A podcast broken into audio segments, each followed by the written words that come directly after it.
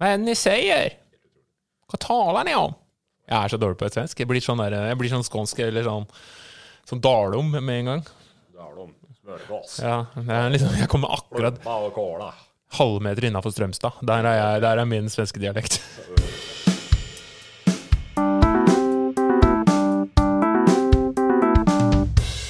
Den gang da. Hei, hei, hei, og velkommen til nok en episode av denne fantastiske historiske podkasten Den gang da. Eh, vi er i gang igjen, vi gutta boys, som jeg egentlig ikke liker å si. Jeg liker egentlig ikke å si det. Er vi der? Ja, nei, vi er Jeg ble kvalm. Vi er Jeg ble litt kvalm. Jeg var kvalm. Ja. Vi er jo i eh, gang med å snakke masse om norsk historie, og vi har vært i middelhavet, nei, middelalderen. Ikke Middelhavet, men middelhavet. noen var jo der òg, faktisk, men eh, middelalderen en stund. Og vi har snakket om dansketida sist. Eh, 400-årsnatten, hvor Norge da var en del av Danmark-Norge. Eh, men så gikk vi litt sånn fort forbi en hendelse som egentlig er ganske stor, som vi litt bevisst gikk litt fort forbi sist, for vi skal snakke mer om det nå. Det var er sikkert mange som tenkte det bør dere snakke mer om, og det Ja. tenkte vi òg, og det skal vi. Og det er den store nordiske krig. Folk tenker, Jeg har ofte hørt folk tenke på den. De sier ofte 'jeg skulle gjerne lært mer om store nordiske krig', sier folk. Det, det sier folk. Det er Eurovision Contest. Det, det ligger jo litt i navnet at den er, det er jo selvfølgelig en nordisk krig, og den var stor. Det var for Norge, hvis du tenker eh, landet Norge, da, Ja. eh, så var jo det en veldig sånn altomfattende krig. altså en Veldig alvorlig krig. Mange som døde, og svært eh, store konsekvenser. Så det er jo en viktig del av norsk historie. Ja. Men også en av veldig mange kriger på samme tid. I hvert fall fram til det. da. Men det markerer også slutten på en lang periode med krig. Ja. Ja, for folk, eller folk sier, Europa var veldig glad i krig på 1600-tallet og Ja. 1700-tallet, som vi skal over i. Eh, no, store nordiske varer fra 1700 til 1721. Ja. Eh, men vi kan jo bare si litt om eh, hva som var vanlig å tenke i Europa på 1600-tallet, fordi krig, det var jo noe man Det var det, det, det var naturtilstanden. Eh, og du har én nasjon eh, østover eh, som kalles Sverige. Og deres Der har jeg vært. Du har vært der, Jeg ja? har vært. Jeg har vært, ja, jeg har vært i Sverige. Vært i Sverige. jeg Sverige. Det er lenge siden jeg har vært der nå. Men eh, jeg har sett Sverige eh, med kikkert. Eh, men uansett, dette er på en måte Sveriges store 100 år. da. Dette er, hvis vi snakka om norgesveldet og storhetstiden til Norge på 1200-tallet, så er svenskenes tilsvarende periode på 1600-tallet. Den perioden hvor på en måte, Sverige bygger seg opp til å bli en stormakt i Det går bra med Sverige. De har jo Ja. områder og peng. Og Hvis krig er bra, da. Ja, ikke sant? Det er en europeisk makt av, uh, rang, da, ikke sant? en som andre må forholde seg til, og som har mye landområder og mye ressurser. Og det vi ser er jo at det er i løpet av den krigen her, og med fredsløsninga i, i 2021, at, uh, 1721. ja, så- unnskyld, ja, 17-2021, at det som skjer eh, eller at den, eh, den balansen som vi kommer inn i etter hvert, er, begynner å utmerke seg. Da. Det at man får Sverige ikke lenger er stormakt. eh, Frankrike står fram som stormakt. Russland begynner å hevde seg som stormakt etter dette her. Og etter hvert også England, selv om de strengt tatt ikke har lyst til å blande seg inn i, i måte, eh, kontinentale forhold. Og Norge er jo med i sin egenskap av å være sammen med Danmark. Eh, Vi er jo under Danmark, som i Danmark-Norge. Så Norge er med på deler av det, ikke alt. Og Danmark-Norge er med på begynnelsen og fra midten og ut mot slutten. Så Veldig presist. Veldig presist ja. sagt. Men sånn kort fortalt da, så går Sverige inn i den store nordiske krigen som en stormakt, kommer ut og er ikke det lenger. Nei. For da er det Og, og Russland går jo inn som ikke-stormakt, egentlig som en liten, eller stor stat med liten innflytelse på utsida av Europa, og kommer ut som stormakt. Ja. Men- Så eh, det siden begynner i 1700. Hva er, det som ut, hva er det som starter eh, den store nordiske krig? Det er jo eh, Altså Sverige igjen, da, som er en stormakt, de har, eh, de har en del interesser og landområder østover. Uh, og selv så kaller svenskene eh, dette for Østersjøimperiet. Uh, og i svensk historie så kalles denne perioden for stormaktstiden, bare så for å si det. da. Uh, så de har en del landområder som de ikke har i dag. F.eks. kontrollerer de det som er dagens Finland. Deler av dagens Baltikum, med et par land som ikke eksisterer lenger, med morsomme navn. Livland, og et land som, heter, som, er, som er veldig vanskelig å lese uten å, uten å lese det feil. Det er Ingermannland. Ja, for jeg sier ingenmannsland. Så det er- ingenmannsland. Ja. Men det er også en del av det østlige Baltikum. Um, og dette er jo russerne interessert i. De har lyst til å De har lyst på land. Mer land, for Russland er ikke stort nok fra før. Nei, nei, nei. Så uh, utgangspunktet er at det er Sverige som sitter med de største områdene. Og så rundt 1700 så er det en del eh, nasjoner som går sammen om å kjempe mot Sverige, bl.a. Russland og Danmark-Norge. Ja. Og øh, Polen. Og Polen. Nei, Ja, ja. og, og så er det jo Og del av Nord-Tyskland. Ja, så er det jo også ikke ønske da om krig i Norden. Eh, England og Nederland og sånn involverer seg også eh, tidlig her, men det, det blir mindre viktig seinere. Så, men eh, det begynner jo med at eh, Peter, Peter den store, som russisk tsar, er jo den som i utgangspunktet starter å invadere eh, Sverige. Ønsker å ta over og få tilgang til Østersjøen. Og Peter den store, han er jo Um, han er jo tsar i Russland. Han er en fyr som er driftig og har mye for seg. Han ønsker jo å omforme Russland.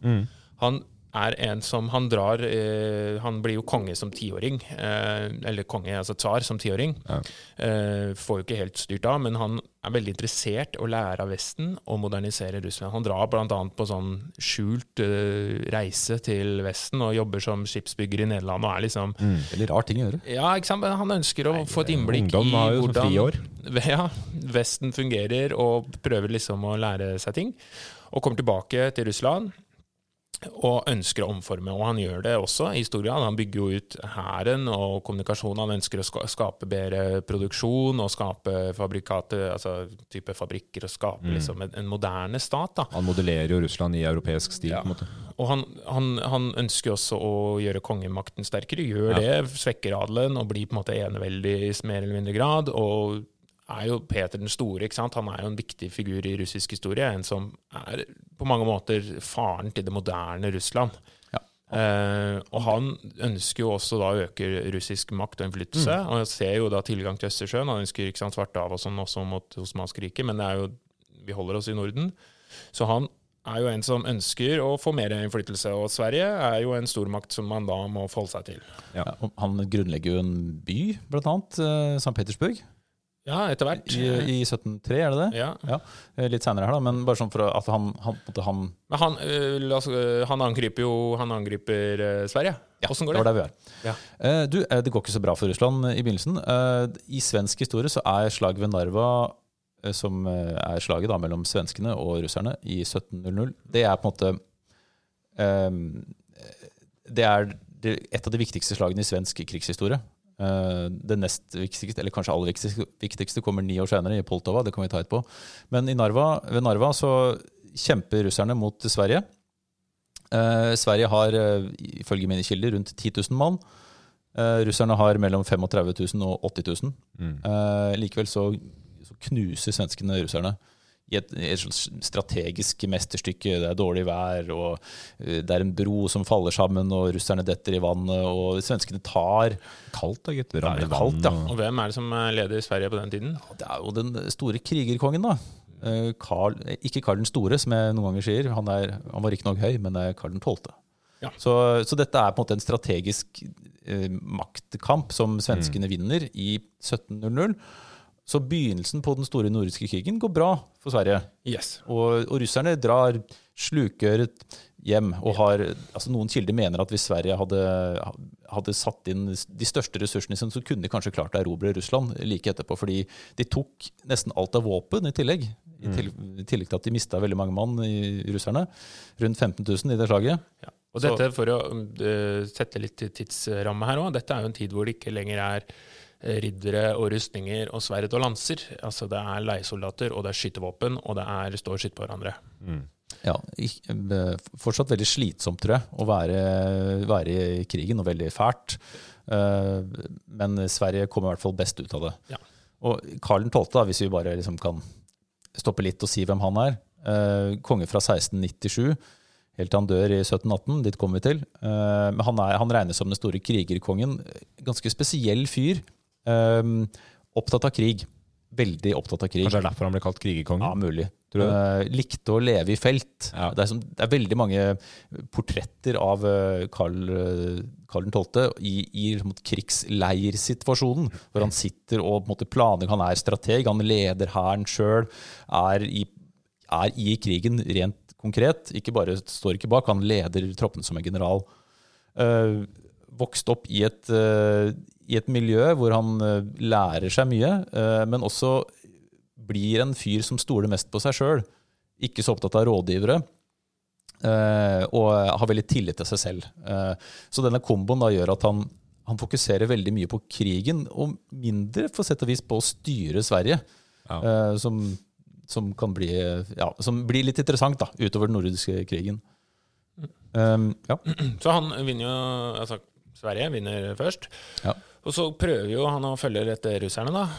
Ja. Eh, og det, det er mange som har gjort før han. Ja. Og det, er, det går som regel på samme måte når man prøver å innta Russland. Ja. Det er stort, det blir kaldt. Det, blir, kaldt. det store russiske k- krig, nei, unnskyld, den store russiske vinteren er jo ofte det som er problemet. Og man blir sulten. Blir sulten. Uh, apropos sult, det er jo en ting jeg kan bare nevne om uh, Karl 12. en gang til. Han, han, han levde enkelt, står det, men jeg fant en kilde. Han var veldig glad i villsvinhodegelé. Ja. Ah, Så, så jeg vet ikke om det ble regnet som ja, jeg vet ikke om det ble som enkel mat. Villsvinhode i gelé. Et, et lite, enkelt, ja, Kanskje bare aspik, liksom. Bare Mm. Ja, det, jeg regner med at det er sånn gelé. Uh, Men uansett, uh, Russland, Russlands store forsvarsverk er jo egentlig Russland. vinteren. Napoleon klarer det ikke, Hitler klarer det ikke. Det er, uh, det er vinteren som ofte tar knekken, da. Når var det du var i, du var i St. Petersburg? var det ikke? 2002. Var det kaldt da, eller? Veldig kaldt. Du kom deg inn. Jeg kom meg inn, men jeg kjørte buss. Ja, du, det er det de skulle gjort. De skulle Ja, kjørt buss Ja, ja. istedenfor å gå i snøen. Vi måtte bestikke oss gjennom grensekontrollen. da. Ja, Kanskje de hadde ikke nok penger. Men eh, ja. Nei, men, eh, men eh, svenskene gjør det best i begynnelsen av krigen. Og Karl 12. er den store krigerkongen som leder svenskene til en del viktige slag. Men da vi prøvde å lese oss opp på det her, så jeg tror jeg, jeg telte over 60 slag. Jeg, av, eh, Det er jo en krig. Det er- det er- det er mange slag. jo- Det er, det er ofte som definerer det. Slag i slag. Slag og slag i slag. Så, Men- så svenskene vinner jo ikke de siste, og ikke de viktigste. Nei, Det er jo derfor de taper krigen til slutt, da. Eh, hvis det er noen som vinner. Men eh, for å sette det her inn i liksom dansk-norsk perspektiv også, så ser vi hvordan danskene, eller Danmark-Norge, da, eh, er, eh, er eh, alliert med Russland eh, en periode da i 1700, eller, ja, i 1700. De har vært eh, nøytrale fram til det, og så blir de alliert med Russland da. Men eh, går ut av på en måte, konflikten en periode, eh, fra 1700 etter eh, svensk seier, og blir eh, stående på sidelinja uten å ta noe posisjon, og så fra, fram til de da blir involvert inn i 1709. Ja. Altså, 1709 står jo ut som et viktig år. Ja, og det er da krigen blusser opp på nytt igjen. Ja, og da har vi slag ved Poltava, som også er et viktig slag i svensk eh, krigshistorie. Men nå går det til helvete. Eh, de blir knust. Ja, da blir, da, da blir de knust. Ja, så Um, i, På ni år så har det på en måte gått fra den store seieren over russerne til det store nederlaget. Ja. Uh, også her problemet med den russiske vinteren i forkant, da, hvor de, de mister veldig mange mann, men angriper omringer denne byen Poltava, som er i Ukraina. Er det, Ja, Ukraina. ja. uh, går veldig, veldig dårlig. Eh, men det som skjer etterpå, er jo vel så interessant. eh, fordi Karl 12. han drar jo ikke hjem. Nei, han drar jo nedover. Eh, han tenker 'jeg trenger litt pause'. Nå trenger jeg litt varme. Trenger varme, Drar til Det osmanske riket for å samle krefter. Eh, Og, hvor lenge blir, blir han det er vel en femårsperiode. Jeg syns det er litt spesielt. mens, mens krigen fortsetter i, i nord, eh, og Sverige fortsetter i nord. Mens Karl 12. er da der nede. Men det er jo, det er jo en helt sinnssyk ting å gjøre. Altså dra det liksom, er vel kanskje det. Altså, hvis, du først, hvis du er konge i et land, så er du ikke ja, For han blir jo der i fem år, Mm. og kommer ikke hjem på fem år. Altså det å i det hele tatt ha muligheten til å gjøre det, og ikke miste makten, Ja. og ikke liksom kongetittelen sin. Ja. Nei, det er et godt poeng. Eh, på den annen side så var jo kong Haakon borte i fem år fra Norge og var kongen da han kom tilbake. Så Fin parallell. det har skjedd senere òg. Ja. Han hadde en viss etos, da. Det kan jo kanskje også Det kan hende Karl si 12. at også hadde en etos, eh, etos. forresten. Eh, Men han, han blir der nede og samler krefter, whatever. Ja, ja, ja. og, og eh, når han bestemmer seg for å dra hjem igjen, da, så går det rimelig kjapt. Ja.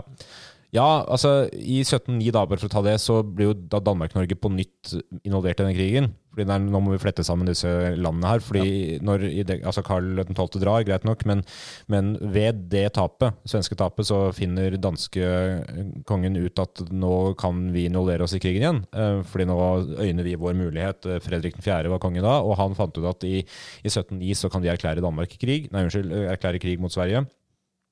Eh, og, og det blir planlagt f.eks. et norsk angrep på Bohuslän. Um, Ja. og, og, det er jo altså det, vi, det vi kommer til å se videre her, er at det tar en del år før krigen flytter opp til Norge. eh, fordi det foregår stort sett konflikter i, i nordtyske områder, altså Sør-Danmark og Nord-Tyskland. Men, men man eh, finner ut at man skal angripe uh, Bohuslän fra, fra Norge, eh, men det blir aldri gjennomført. Um, noe angrep. For det er, det er en general eh, som heter eh, Eh, Tri- Tritschler. Nei, Tritschler. Tritschler. Tritschler. Eller ja, Tritschler. Hans Ernst Tritschler. Det er noe, det er ikke noe enkelt navn å Hans si. Ernst Tritschler. Hans Ernst. Hans Ernst Tritschler. Nei, han, eh, nå har vi sagt det så mange ganger at nå har du blitt semantisk metta, så nå er det ingen som forstår hva, hva vi sier lenger. Men han, men han eh, skal angripe, men eh, la være å angripe etter at de har ligget på vent en stund. Og så mister han stillinga si og æra og alt mulig, men han han hadde jo et godt argument da, mot å ikke angripe, og det var fordi de hadde jo ikke nok forsyninger. Så han tenkte at å angripe bare ville svekka på en måte den dansk-norske krigsmuligheten ytterligere.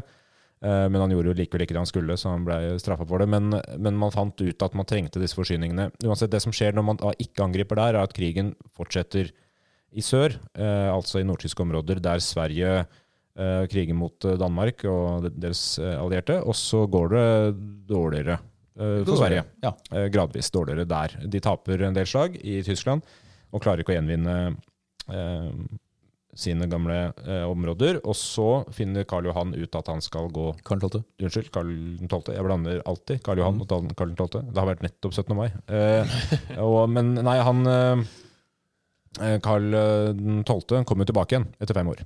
Ja, Vi kan jo ta den nå, da, fordi han, bruk, han er riktignok fem år i utlendighet, men når han drar hjem igjen Bruker han 16 dager? ja, jeg, har, jeg har noe tall på det. Han eh, 14 eller 16 dager bruker han på å ri hjem til Sverige. Det er 200 mil. Så han, han rir over 15 mil i snitt per dag. Mens resten av hæren hans, eh, de går, selvfølgelig. Så eh, Karl 12. reiser da sammen med to andre kompanjonger, reiser inkognito. Så de, de, de kaller hverandre andre ting, og han er på en måte en konge på flukt, på et vis. Eh, kommer hjem til Sverige, svenskene jubler, tenker at nå kan krigen slutte. Eh, men Carl eh, har lyst til å krige mer. Ja, ja man har jo det, men det er også, altså, Sverige har jo lidd litt. Da. Han har jo, skal jo sies at han ifølge en historiker som heter eh, et eller annet, eller et bok her, skal vi se. Knut Helle er det som er hovedredaktør på denne boka. her, så er, altså, Han sier at, og jeg vet ikke han, eh, om det er riktig helt, men det står her at Karl 12. har fulgt krigen her oppe litt halvhjerta fra det osmanske riket. Eh, men han har i hvert fall fått med seg hva som har skjedd, og er sikkert bitter fordi Sverige har fortsatt å tape. Og har svenskene, eller Sverige har også da mista Finland til Russland. Um, i, eh, i 14, eh, 1714, så, så man er gira på å ta, ta igjen, da. Men man skifter strategi når man kommer tilbake. Ja, og Karl 12. blir jo kritisert både da og seinere også for at han liksom ikke griper muligheten til fredsforhandlinger når han er på topp. da.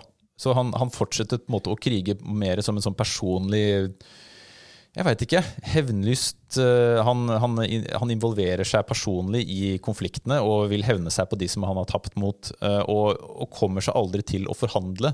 Og Samtidig så styrkes posisjonene til hans motstandere. De allierer seg mot Sverige. Og Karl 12. blir på en måte stadig dårligere stilt med den svenske hæren. Så mm, på et tidspunkt så er det på en måte ikke noen annen løsning for Karl 12. selv da, å fortsette krigen for å prøve å vinne tilbake tapt terreng og for å få en bedre forhandlingsposisjon. Den gang da. Og da nærmer vi oss eh, Norge, kanskje. Ja, fordi han er Sverige angriper jo Norge Ja, i 1716. ja, og her er jo litt sånn forskjellige forklaringer på hvorfor han eh, velger å gå til Norge, og ikke fortsette krigen der hvor den tradisjonelt har foregått. For det er viktig å huske at krig, i, krig mellom Sverige og Danmark har jo pågått i 100 år allerede. Eh, Fra eh, 30-årskrigen og framover så har det vært mye konflikt. Og så eh, har den krigen stort sett foregått i de nordtyske områdene, eh, som vi skal huske var en del av Danmark, men også noen områder tilhørte Sverige. Da. Og det har vært konflikter om Skåne og sånn, men, men aldri så langt nord som i Norge. Men Karl eh, den 12. finner ut at han skal bytte strategi og komme nordover. Ja, Det kan være pga. alle nederlagene der nede, og skjønner at han skal prøve litt overraskende taktikk. Bytte taktikk når du ikke har bytta taktikk på 100 år, kan det være på tide, liksom, for å komme litt brått på. Men historikerne er uenige, da. Ja, hvor. Ja, Fuglestad, som jeg leste i stad, Finn Fuglestad, som, eh, som skriver at eh, hvorfor han eh, Altså årsakene til at han angriper Norge, er dunkle. Ståle, Ståle Dyrevik omtaler ikke egentlig. Han, han legger opp til at det kan ha noe med, med den tidligere strategien å gjøre, altså tapene i Tyskland. At det er grunnen, men ikke noe direkte sammenheng. Altså er det jo, altså rent geografisk så er jo Norge og Sverige veldig tett. Altså Det det, er er jo ting, tett. og det er, Hvis du ser på et kart, så er det jo, skjønner man jo også kanskje litt hvorfor det kan være lurt. Ja. Det er klart. Det skal jo også sies at man eh, så, sånn, eh, sånn som norsk bidrag til den danske norske hæren hadde vært tradisjonelt, så hadde det vært sånn at man hadde sendt norske soldater ned til Danmark for å krige der nede. Så man hadde ikke noe sånn enormt stort mobilisert hær her oppe i 1716, så det kan jo også ha vært en grunn til at det var fornuftig å komme inn her. Men så viser det seg at det skulle være vanskeligere likevel, da, for Ja. man mobiliserte relativt kjapt. Det, det er en annen også, historiker som jeg leste i stad, som, eh, som nevnte at liksom det, er, det er enkelt og vanskelig å angripe Norge. Fordi det, det, er, det er dårlige veier, dårlig infrastruktur, eh, byene er langt fra hverandre, dårlig kommunikasjon. Men hvis du først kontrollerer de viktigste områdene, Kristiania da, først og fremst, så har du på en måte hvis, hvis du klarer det som er vanskelig, så har du på en måte nesten klart det. fordi da er resten ja, vanskelig å forsvare. da. Ja, og lite folk og Lite folk. grisgrendt. Og, Men de, men, de, men de kom seg jo langt inn i landet. Det er et viktig poeng. De kom seg jo helt fram til altså de, I 1716 da, så kom jo svenskene pløyd igjennom Østfold og inn i, så langt som til Lier. Men man klarte aldri å ta festningene. Sånn Akershus Ja, fordi- festning, Fredriksten og så Ja, så vi snakket om i, I forrige episode, etter at Christiana brenner ned på 1600-tallet, så bygger jo Kristian 4. opp igjen dette kvartalet rundt Akershus festning etter modell av en sånn festningsby. Så Akershus festning er godt forsvart med tjukke, fæle murer og, og, ja, og Felttoget da, til eh, Karl 12. Det blir jo veldig lokalhistorisk for meg, som er liksom fra Østfold-området. De går ikke riktignok gjennom Østfold, men de går gjennom Hørland, som er Akershus, gamle Akershus fylke. Eh, og det går relativt bra. Der møter de en liten norsk her som de tar. Uh, men så kommer været gitt igjen og stopper dem i noen dager. Og det gjør at uh, det norske forsvaret får tid til å reetablere seg. Får kalt inn noen tropper. Og der er det på ditt eh, Ja, lokale det er jo område, mitt Hans. område, for jeg er fra et sted i Groruddalen som heter Ellingsrud, og der husker jeg vi, vi En eller annen gang på barneskolen tror jeg vi hadde sånn Sånn som de kjører i USA, sånn Civil War reenactment. Hvor vi hadde sånn Strikka dere brynjer og sånn, eller? Ja, det nei, mye brynjer, ja. Uh, spel i den store nordiske krig ved, eh, ved Bakåsskansen. Det er en stein der som uh, var der, Uh, der man satt og satt eh, skuddene sine. Eh, men der, nei, da, men det, er, det er en stein der eh, Hvor var det omtrent den steinen da skansen, eh, den skansen svenskene ble stoppa ved, i hvert fall første gang, som ble hindra såpass mye der at man rakk å mobilisere andre steder. Ja, og, og, og det gjør da at um, Karl 12., når han kommer dit, så, så har nordmennene mobilisert eh, noen tusen mann, og så snur Karl 12. og går sørover mot Moss, hvor han møter en annen eh, styrke. Og så går de nordover gjennom Ås, det blir veldig lokalhistorisk det her da, men, eh, og så går de, gjennom, eller går de over på isen i det som kalles for Bunnefjorden, det er en del av indre Oslofjord. Um, uh, og så vandrer de da over isen, uh, men blir selvfølgelig observert fra Akershus festning. Og Akershus festning, hva gjør man da når det går en hær på isen? Man skyter selvfølgelig på isen, sånn at det skaper store råker, ikke sant? store åpne områder. Så eh, svenskene mister ikke mye, men, men, men måte, det, det går sakte framover. da. Så kommer de til Kristiania rundt smått om senn, klarer å innta byen, men ikke Akershus festning. Nei, og Det er et viktig poeng at disse forsvarssystemene i gamle dager var basert på at du ikke skulle innta selve festningen. og Klarte du ikke det, så var det ikke så mye å stille opp, for da klarte man jo å forsvare byen fra Ikke festningen.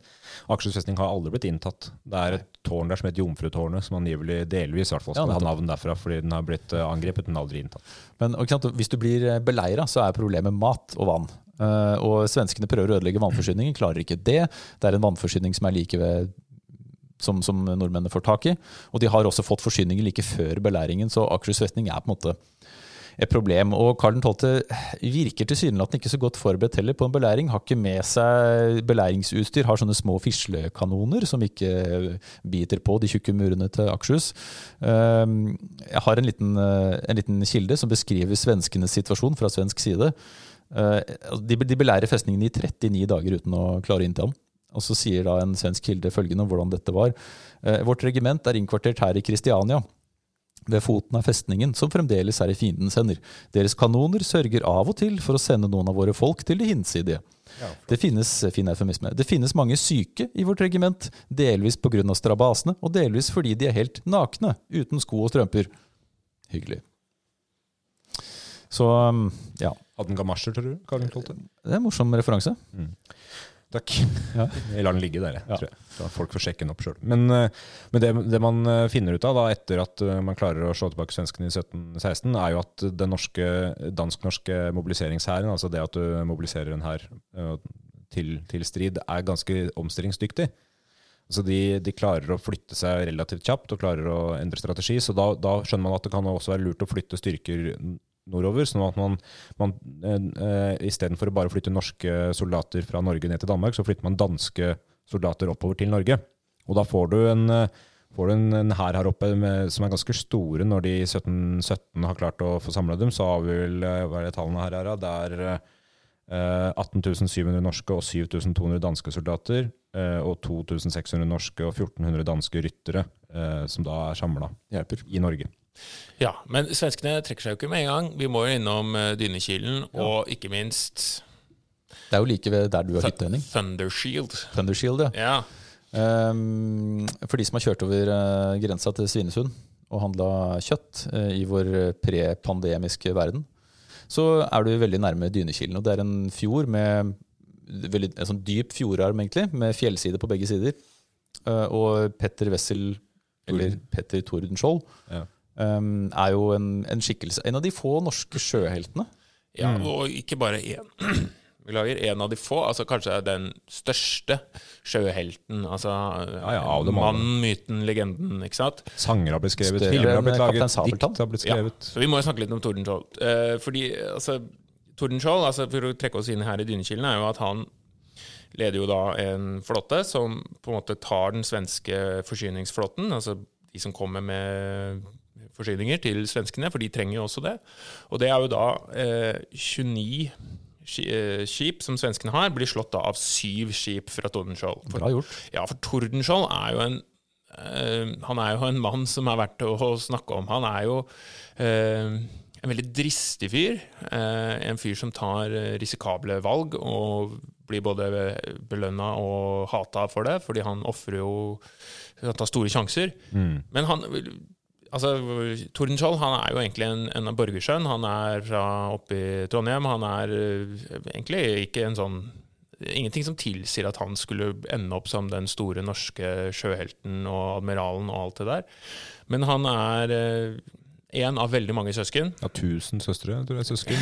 Cirka 1000. Nei, men hadde 12 søstre og 14 sønner, brødre og Han ja, jeg tror han var nummer 14 eller nummer Nei, 18. men jeg, eller ja, ja, han var, jeg var, tror jeg var 17, 16 eller 17 unger den mor, mora fikk. Mange barn, da, med, med, med andre ord. Så han eh, som 13-åring eh, rømmer jo hjemmefra, mer eller mindre. Eller rømmer og rømmer. Han på en måte stikker av, eller bare drar. Og faren hans syns det er greit. Han bor nede i Kristiania og får sammen med en kompis av faren. Søker seg også inn på sånn, sånn kadettskole, og, og eh, er først sjømann en periode og lærer seg liksom Han har en lynkarriere, så han må jo være drita flink. Han er lynkarriere, og han har en lynkarriere. Kommer jo på denne kadettskolen og, og søker jo hele tiden. Kan jeg være så snill å kommandere en flåtte eller et skip, eller Og liksom får ikke helt det han ønsker. Blir løytnant og liksom går gradene sånn litt, men Men ganske fort, da. er veldig, ja, gjør det bra, da. Og er en fyr som er veldig sånn spenningssøkende, fremstår han som. En som ja, tar sjanser, da, i, i, i søken etter lykke. Og det er sånn alt eller ingenting-strategi eh, ofte. Og, og gjør en lynkarriere og blir til slutt ikke sant, amiral og øverste kommanderende. Ja, han blir jo en del av den dansk-norske eh, flåten. Ja, blir- Eh, ja. og, og flyr, kjører, seiler fram og tilbake mellom Danmark og Norge flere ganger, med, både som, som, med beskjeder, men også kommer jo da i 1716, da, som dette er eh, det store slaget i Dynekilen, så, så er han jo der og venter på den svenske krigsflåten som de har observert eh, tidligere samme år. eh, og får da nyss om at den ligger ankra opp innen der. Og som du sier, Henning, de, de vinner relativt eh, Det er en dristig seier, men de vinner klart og får med seg en hel masse skip. Um, og svenskene klarer med det da ikke å, å fortsette, egentlig. Eh, verken beleiringen av eller, altså, De klarer ikke å fortsette krigen i Norge, fordi de har ikke artilleri. De mister masse forsyninger, rett og slett. Så um, svenskene um, Det går ikke så bra. Uh, det er også en liten hendelse vi kanskje også kan ta med, at de er innom Fredrikshall, altså dagens Halden. uh, Da, og beleirer Fredriksten festning en liten periode i 1716. Uh, Innbyggerne svarer med å brenne ned byen. Og dette refererer også Bjørnson til i nasjonalsangen. Sånn, husker hva som hendte ned på, er det ned ved Fredrikshall? Ned Ja. på Fredrikshall? Vi hater svenskene mer enn vi elsker byen vår. Nettopp. Det er litt sånn, da. ja, men det, det blir, ja. Så? Hva, hva gjør man for å kaste ut svenskene? Eh, Alt. Nei, vi får brenne byen. Ja, ikke sant? Så Karl 12. Eh, må trekke seg ut. i 1716. Skal vi, kan vi avslutte soga om Tordenskjold? Ja, ja, ja. han, er den er kult. han er jo en artig type. Det går jo for øvrig mye myter Myter Ja. om Tordenskjold. Han blir jo adla. Han er ikke døpt Tordenskjold. Han er jo døpt Peter Wessel får navnet Tordenskjold bytte, eller får eh, tilnavnet Tordenskjold når han blir adla. Og så Ja, for det, det kling, klinger bedre. Ja, Wessel er jo et kjent norsk navn, det òg, men Tordenskjold han, han kalles for øvrig aldri Peter Wessel Tordenskjold i uh, samtida, men det har noen av en eller annen grunn funnet på etterpå. Men han, men han bytter navn, da, og det går mye artige myter om eh, hvordan han vant slag og sånn. F.eks. at han var en lurendreier og gjemte seg blant fiskere på eh, kaia og stranda og sånt for å gli ett med fienden. Og snakka svensk for å lure svenskene. Kjære bror. Kjære bror, eh, Tom Jannik, kom til min smørgåsfest. Og sånn, for at de skulle tro han var svensk, da. Ja, ikke sant? Og, og så er det et annet begrep også, som, eh, som kanskje, ikke, kanskje ikke alle bruker, men det er noe som heter Tordenskjold-soldater. Ah, jeg vet ikke om dere kjenner til det? Jo, da, Jeg gjør det, men det er mest fordi jeg har forberedt meg. Ja, ikke sant? Og det, det handler jo om at uh, i forbindelse med at han, uh, at han uh, erobrer Karl, Karlsten festning, Karlsten festning, Karlsten festning Galsen. eh, så, så, så sier da myten at han, eh, han, eh, han marsjerte rundt med troppene sine i gatene, og så bytta de klær, og så marsjerte de en gang til, og så bytta de klær. Og så, Gikk i ring, da. ja, så det, det så ut som så ut som de var flere da, enn det de var. Ja, det er jo lurt. Og det er jo Bytte hatter underveis. Ja, med hverandre. Med briller og halta. Det som er, eh, det som er litt sånn trist med han, er at han er, han er nok litt sånn som Karl 12., at han er veldig glad i krig, og ikke så glad i fred.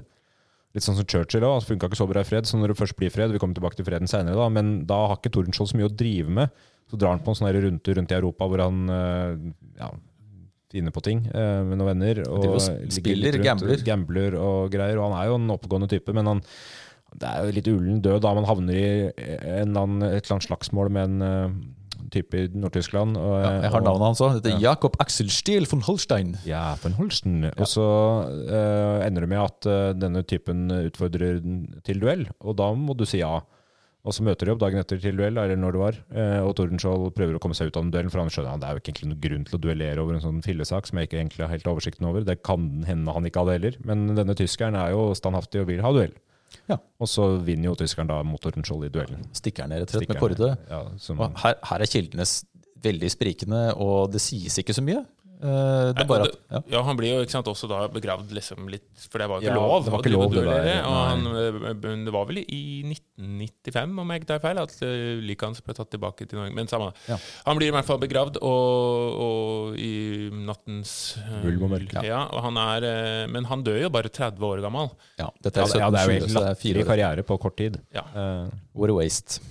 Ja men uh, han er jo en hyllet figur i norsk historie. da En som uh, på en måte står som den store står, ja. Står, krigshelten som uh, står, slo, slo svenskene mot alle odds. han står på sokkel, faktisk. Når, byste, når du får byste og sokkel, da har du, da er du enten fotballspiller eller sjøhelt. Ja. Så en av de to, da.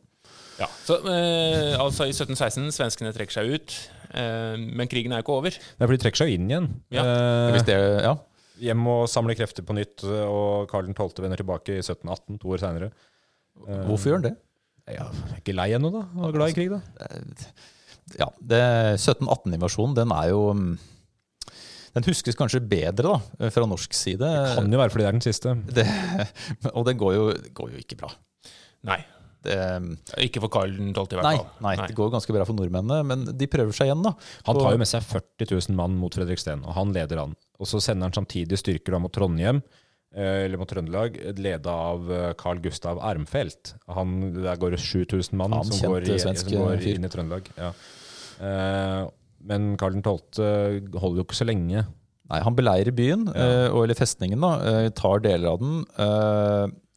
men dette, dette vet jo en del i den norske ja, Dette er en del av den norske historien. Alt som folk husker. ja, som, men som folk husker, var poenget. da. Ja, ja, sånn. Eh, fordi Karl 12. han dør jo der. Mm. Eh, hvordan er det han dør? Nei, det, han blir skutt. Det er alt, alle kilder sier at han blir skutt. Men skutt i tinningen. Ja, uh, utrolig kraftig tinningstuss. Men, han, men det er helt umulig Man veit ikke hvem det er han blir drept av. Uh, Nei, fordi, Hvilken sant, side det er som han ender opp med å drepe den. så Teoriene er jo ikke sant, at han blir skutt fra festningen Mm. av nordmennene, eller så er det hans egne. Uh, og hans egne, hvorfor i verden skulle de ta livet av Karl 12.? Nei, det Lei av krig, da. De er lei av krigen. Da. De er, altså, dette er i 1718. eh, Karl 12 har sittet i konge i over 20, som konge i over 20 år. Mm. Stort sett vært ute på felt, eh, felttog. Uh, Så kanskje de er lei. Men selvfølgelig er det helt umulig å vite, og vi kommer ikke til å få vite det heller. Det har vært, det har vært en sånn klassisk sånn Karl 12.-mytediskusjon Mm. i både norsk og svensk populærkultur, hvor man har diskutert hvorfor hvem, hvem har tjent på dette? Og, ja. Hvem drepte Oluf Palme og Karl 12.? Ja, ja, Ja, det er men, men er de, det, det er er jo, det er jo sant òg. Ja, det er sant, det. Så, ja. Men uansett, eh, 1718 er på en måte slutten for eh, Norges viktigste deltakelse, i hvert fall, i den store nordiske krigen. Ja, altså, bare for å spore tilbake til, de som tar Trøndelag, eller prøver å ta Trøndelag. Det går ikke noe bedre med dem. fordi altså, det, Han dør eh, er det 11. november, litt avhengig av hvilken kalender du, du bruker. Eh, svenskene, danskene og nordmennene brukte forskjellige Det er som en vits. Svenskene, danskene og nordmenn brukte forskjellige kalender, og så stopper det der. Men de brukte forskjellige kalender, i hvert fall. Så, så, men eh, hvis vi følger samme kalender, så er det 11. november Karl 12. dør, og så får eh, denne Armfelt beskjed litt seinere om at om at, de skal, om at eh, dette har skjedd, eh, og han skal da trekke seg tilbake fra Trøndelag, og gjør jo det. Eh, det blir ikke noen trefning der oppe. det går ikke så bra, det heller. Nei, fordi det er jo kaldt. Vinteren igjen! De, de skal gjennom Tydalsfjellene, og det er en snøstorm. Det tar flere dager, og så dør 3000 mann dør i den snøstormen. av de 7000 som kommer. Har du vært i Tydal? Nei, jeg får ikke lyst. Jeg får ikke lyst. Hvis jeg tar med meg 2999 venner. Skal vi dra til Tydal? Ja. Tar med meg 3000 venner, altså så kanskje jeg er den eneste som overlever. Men eh, ja, så etter dette så er um, på det nærmeste krigen over for uh, svenskene, egentlig. Når dør krigerkongen, uh, som har vært en, en av de viktigste grunnene til at de har fortsatt krigen. Eh, og nå teller vi 1718, Så det er 1719. 17, 18, 19, men, men så fortsetter jo altså, Det står så fint i kilden der. Krigen dabber av. Ja, den dabber av side, etter, ja, fordi det er, det er, man planlegger noe motangrep, men det blir ikke noe mer. Uh, og så er det jo også ja, krigen dabber av, det er det de sier. Uh, for det koker ut ikke noe når, når det ikke er så mye motstand lenger. I tillegg til at eh, europeiske krefter, f.eks. England og sånn, er frykter for stor eh, russisk påvirkning. så de for de skjønner at Russland er i ferd med å seile seg opp som stormakt, så de driver og forhandler for sånne separat, eh, separat eh, fredsavtaler eh, mellom de forskjellige landene. Så det blir inngått fredsavtaler litt sånn framover mot den endelige avtalen i 2021, eller 2021 faktisk, i 1721. Så fader, vet du, det er jo markering i år. Ja, det er faktisk 300 år siden. Det er faktisk 300 Det, år siden. det er jo derfor vi spiller inn denne episoden, selvfølgelig. Det er jo det. Eh, Synd vi ikke Dette skal vi si i den tidligere episoden. Ja. Ja. Men, eh, men etter dette så er vi tilbake egentlig til det vi sa i begynnelsen, at eh, Sverige går inn som stormakt og ut som eh, Ikke stormakt. kasteball. Ja. Og Russland slår seg opp.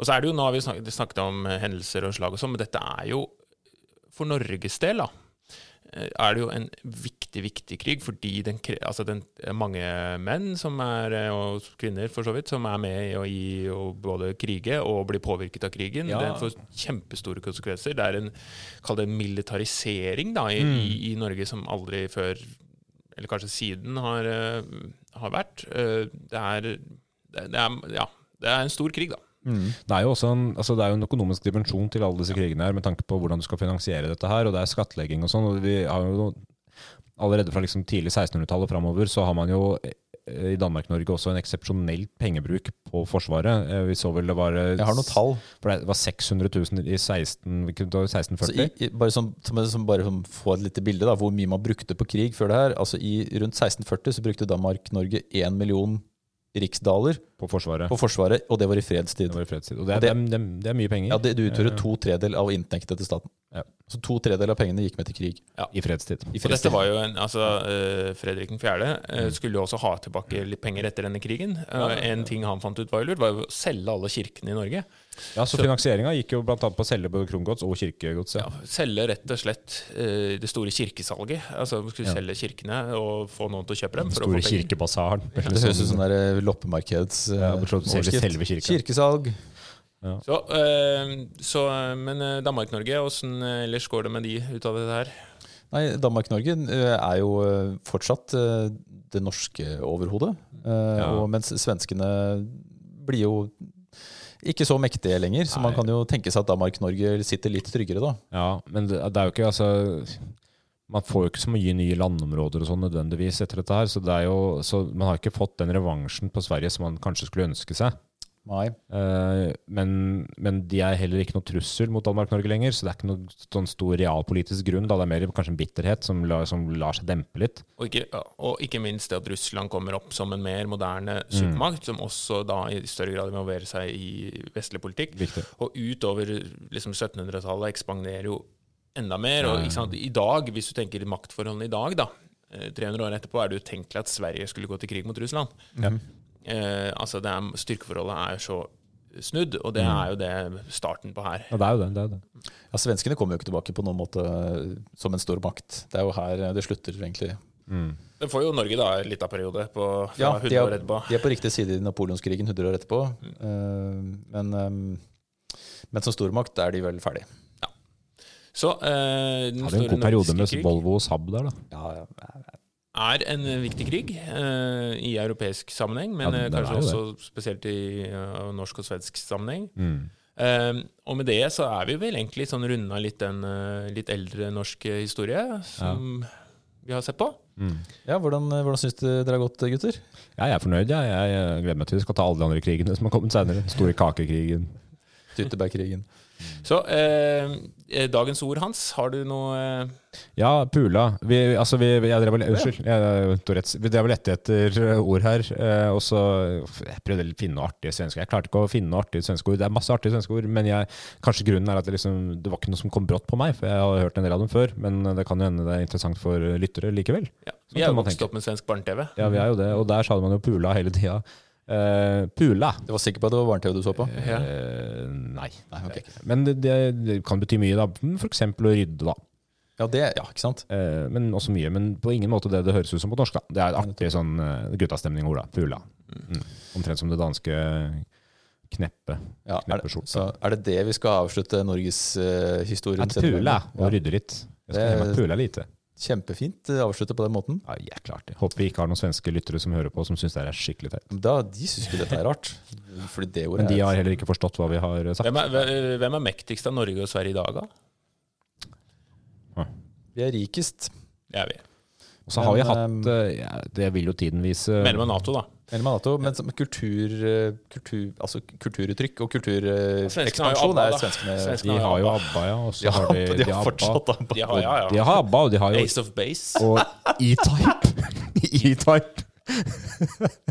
Jeg var på vikingrestauranten til E-Type i, i Stockholm, i gamle stan. Han starta sånn vikingrestaurant. Han er der sjøl altså, og roper inn eh, folk Mr. E-Type? Ja, jeg, jeg heter jeg, Edvin E-Type. Edvin E-Type? Jeg husker ikke. Doktor eh, Bombay. Bombay, ja. Ja. ja da, nei, så, så Det er fastlegen min.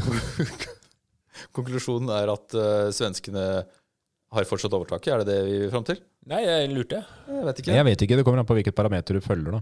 Jeg tror kanskje ikke de vil gå til krig med det første. Nei. Eh, selv om ja, vi har jo kriga mot Sverige en gang til, da, i 1814. Det er jo Ja, men det var ikke mye. Det var en liten og, det skal, ja, men det, og det skal sies da at en annen konsekvens av store nordiske krig er jo at uh, forholdet mellom Norge, Sverige og Danmark har vært langt roligere etterpå enn det var før. Det er ganske fascinerende hvor rolig det er, med tanke på hvor mye krigshistorie vi har. Ja, og det her er omtrent som forholdet mellom England, Frankrike og Tyskland, måte, Ja. som har vært prega av krig fram til 1945. Eh, så, så det har jo vært noen store konflikter som selv om det ikke liksom har vært the war to end all wars, liksom, så har det vært noen store konflikter som i hvert fall har lagt en demper på krigshissinga mellom visse nasjonalstater. Interessant. Det er jo ikke alltid, På langt nær alltid det går sånn etter at man kriger. Nei, det gjorde jo ikke det før. Ja, Nei, men Skal vi si uh, takk for nå?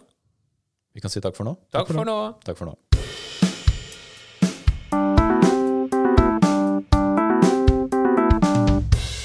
Den gang da.